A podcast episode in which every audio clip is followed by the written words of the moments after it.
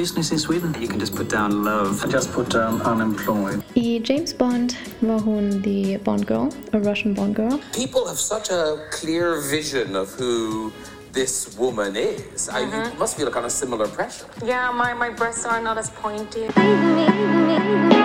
Hej och välkomna! För de som är nya lyssnare, jag startade den här podden samtidigt med min svenska kurs. Jag förväntade mig inte att så många skulle lyssna, men jag är er superglad att ni er är här. I promise you will be surprised how many known people in the US have Swedish roots. Vi börjar med en quiz. Vem av dessa personer har svenska rötter? Is it Michael Kors, Jennette McCurdy from iCarly, or the founder of Greyhound Lines, which is the Flixbus in the United States and Canada?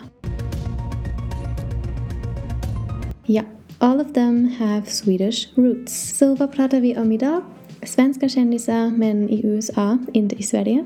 Julia Roberts och James Franco kanske bara har några få procent svensk blod, men Alicia Vikander till exempel en svensk skådespelerska i Hollywood. Och även Michael Kors, eller Karl Anderson, or Andersson, är mer svensk än man tror.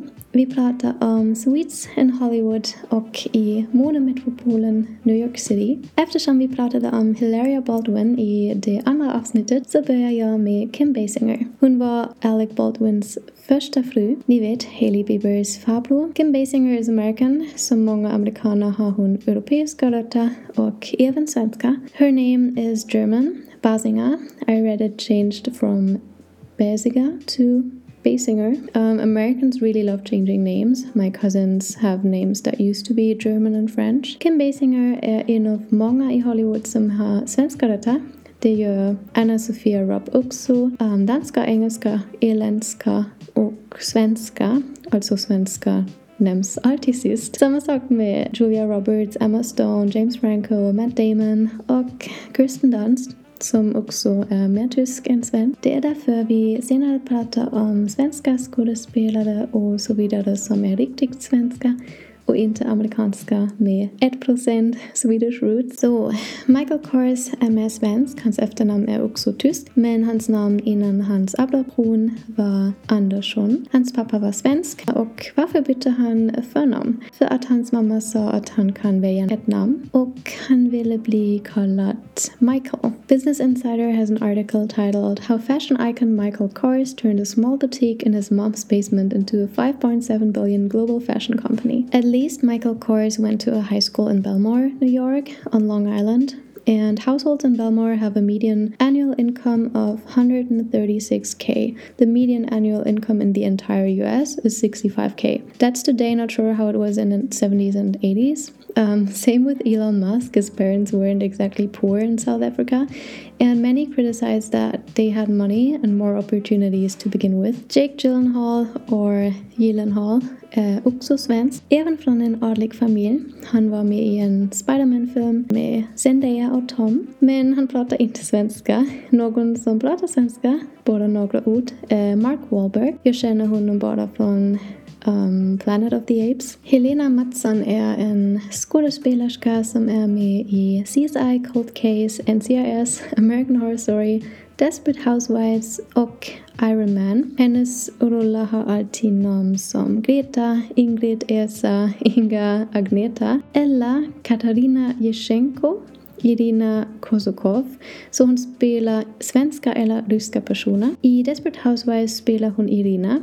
Lynette Skavos son tar hon tillbaka från sin resa till Europa. Och hon är en rysk golddigger. Vill bara ha hans pengar, ett bättre liv och en bättre framtid i USA och det amerikanska passet. And you have beautiful boots. Preston buy these for me in Paris. 300 euros. Almost 400 American, yes. huh. I remember sending you money in Paris for an emergency. I didn't realize it involved footwear. Fine. I'll pay you back out of my college fund. Your son is so generous. Maiara Walsh is a Brazilian American actress that played Ana Solis in Desperate Housewives, but apparently she also has Swedish roots. På tal om TV-serie, I just found out there's a sitcom, um, Welcome to Sweden, om en man som flyttar till Sverige från New York City för att vara med sin flickvän. What is your business in Sweden? Ah, you can just put down love. I just put down unemployed. How funny is it, by the way, that your father's name is Burger? It's pronounced Beria. It's my mom you should be worried about. Ah, seriously? You have no friends, you don't speak the language. Yep. What will you do for work?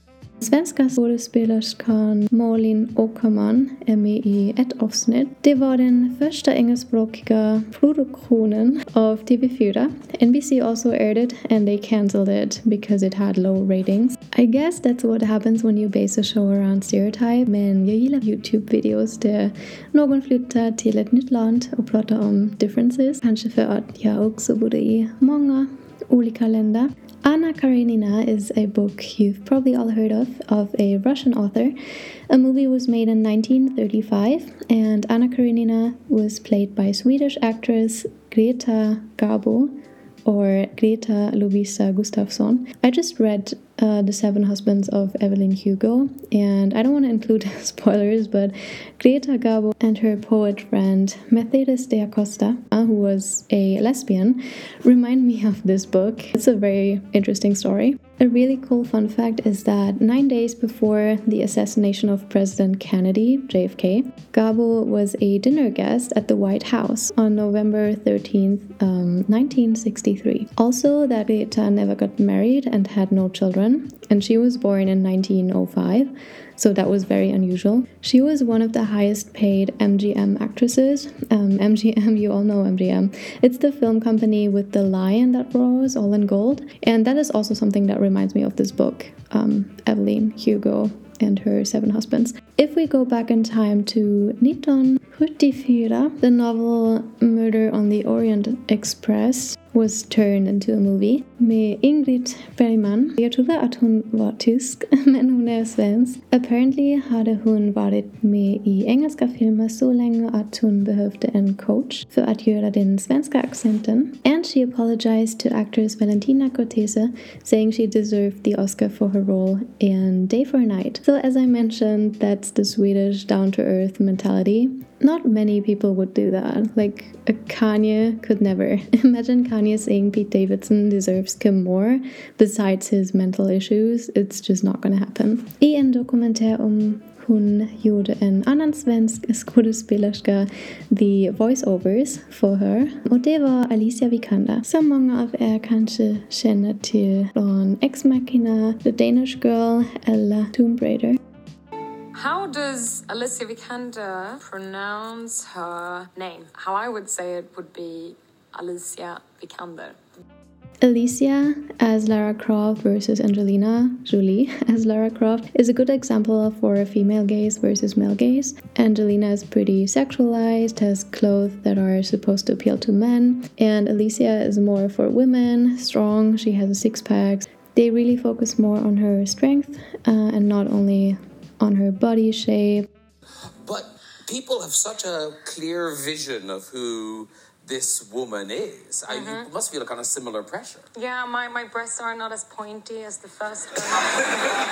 um, um, no, I mean, yeah, she's been with us for like, what is it, 20, 22 years? And, uh, and I, yeah, I, I, I actually, I'm like a huge fan of Tomb Raider. Like, I'm so I excited think for I. I was, you know, we grew up with MSN Yeah. things. I, I also grew up in a time where there was none of my girlfriends who played video games, and Mm-hmm. I kind of kept it. You know, I was kind of ashamed of doing it, but I was at my uh, my parents' friend uh, friend's house, and their kids had a PlayStation, and I went there, and I remember I walked into the room and saw it. It was a female protagonist in a video game, and I'd never seen that. She's also more human with her job as a food courier, and I'm pretty sure if you ask men which Lara Croft they prefer, most of them will say Angelina just because she's so sexualized. You can see that in posters and trailers, which are linked in the show notes. Angelina fights, but she mostly talks to men in a more flirty way.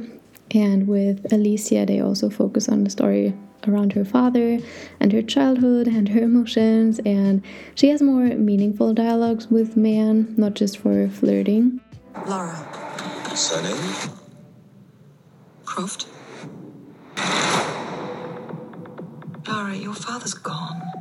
You can pick up where he left off. But nothing against Angelina, she does a great job and her movie came out in 2001, so that was a very different time. Alicia er också med i Netflix-filmen Earthquake Bird. She was rejected from the Royal Academy of Stockholm twice, två gånger, och så blev hon den nya Lara Croft. Well, Vogue France calls her one of the new faces of American cinema, but in their article they also say, fun fact, she drinks Coca-Cola with cream, Swedish style. Is that a Swedish thing? I know there's candy that tastes like Coke with cream. I actually found a recipe for a milkshake by Coop, Cola Uh, cola shake. The ingredients you need are Coca-Cola, Napa me cola smak, but they mean Haribo Napa, not pacifiers. Uh, vispgrädde, vaniljglass, kolasås. Vad är kolasås? Jag har aldrig sett någon dricka cola med grädde. Wow, you can actually buy chokladgrädde cola glädje. Interesting. On Jimmy Fallon, Alicia said she was on a Swedish kids talent show where you lip sync. Små. Uh, Jimmy Fallon tried to make the same jokes as in the trailer of Welcome to Sweden, making fun of the Swedish language. Um, at this point, I'm really annoyed of those jokes for all languages. It's the same as Ching Chang Chong for Chinese. It's just not funny, it's kind of insulting. Vi har redan pratat om sångarna Tove Lo och Zara Larsson och om modellen Elsa Hosk och det finns finns många andra svenska modeller och influencers kända över hela världen. Frida Gustafsson, for example, has a similar story as Elsa Hus. Hon åkte till Japan och New York, modellerat för Dior, Michael Kors, Alexander McQueen, Emilio Pucci, MS, Ralph Lauren, men även i annonser för H&M och Tiger of Sweden. En fun fact, hon var med i The Witcher på Netflix. Någon som är både modell och fotbollsspelare är Caroline Winberg. Women with male interests were often called tomboys in the English-speaking world, but I guess that's a bit outdated. Cambridge defines it as a girl who acts and dresses like a boy, liking noisy physical activities. Oxford says a girl who enjoys rough, noisy activities traditionally associated with boys. Caroline modeled for similar brands and like Elsa Hosk, also for Victoria's Secret. She also hosted Top Model Sverige for a bit. Another host was Izabella Scorupco, en polsk-född svensk-amerikansk skådespelerska. I James Bond, Goldeneye 1995 var hon the Bond Girl, a Russian Bond Girl. Verkar som att svenska tjejer ofta spelar ryska roller. Kim Basinger, by the way, was also a Bond Girl in 1983. And another Swedish Bond Girl was Maud Adams in 1974. She married a photographer named Adams. Her former efternamn was Wikström. Men Isabella flyttade till Sverige från Polen när hon var åtta år gammal och blev amerikansk medborgare 2017. I have no idea how to pronounce this name. Haddon Sundblom, maybe in Swedish. Haddon Sundblom, I have no idea, is the artist who drew the Santa Claus image for the Coca-Cola company. He was born in the States, but his family is Swedish, so I guess they changed his name, and I have no idea how to say this. Walter Hoving var också svensk. I 25 år var han ägare till Tiffany and Co. And as already mentioned, Eric Wickman, the founder of Greyhound Lines, är svensk. Jag tror att de bytte hans efternamn. För att hans namn brukade vara Wredman. Now the German company Flixbus actually owns Greyhound. They bought them in October 2021 for $78 million. Now that we talked about a few businessmen, I also wanted to share one quote with you in the context of American and Scandinavian culture. Harvard Business Review has a list um, of the top 100 CEOs. A Danish CEO was on top of the list in 2015. The CEO of Novo Nordisk said, I don't like this notion of the best performing CEO in the world. That is an American perspective. You lionize individuals. I would say I'm leading a team that is collectively creating one of the world's best performing companies. And he says that the six years in the US made him slightly more aggressive than a typical Scandinavian business leader. It's probably still true. In the US, individuals are idolized rather than teams, like Jeff Bezos or Elon Musk. You barely hear anything about the people that helped them build their empires. Jag behöver fortfarande några kändisar för andra avsnitt, så vi kan inte prata om för många idag. Eh, Så vi stannar här och vi ses nästa vecka. Me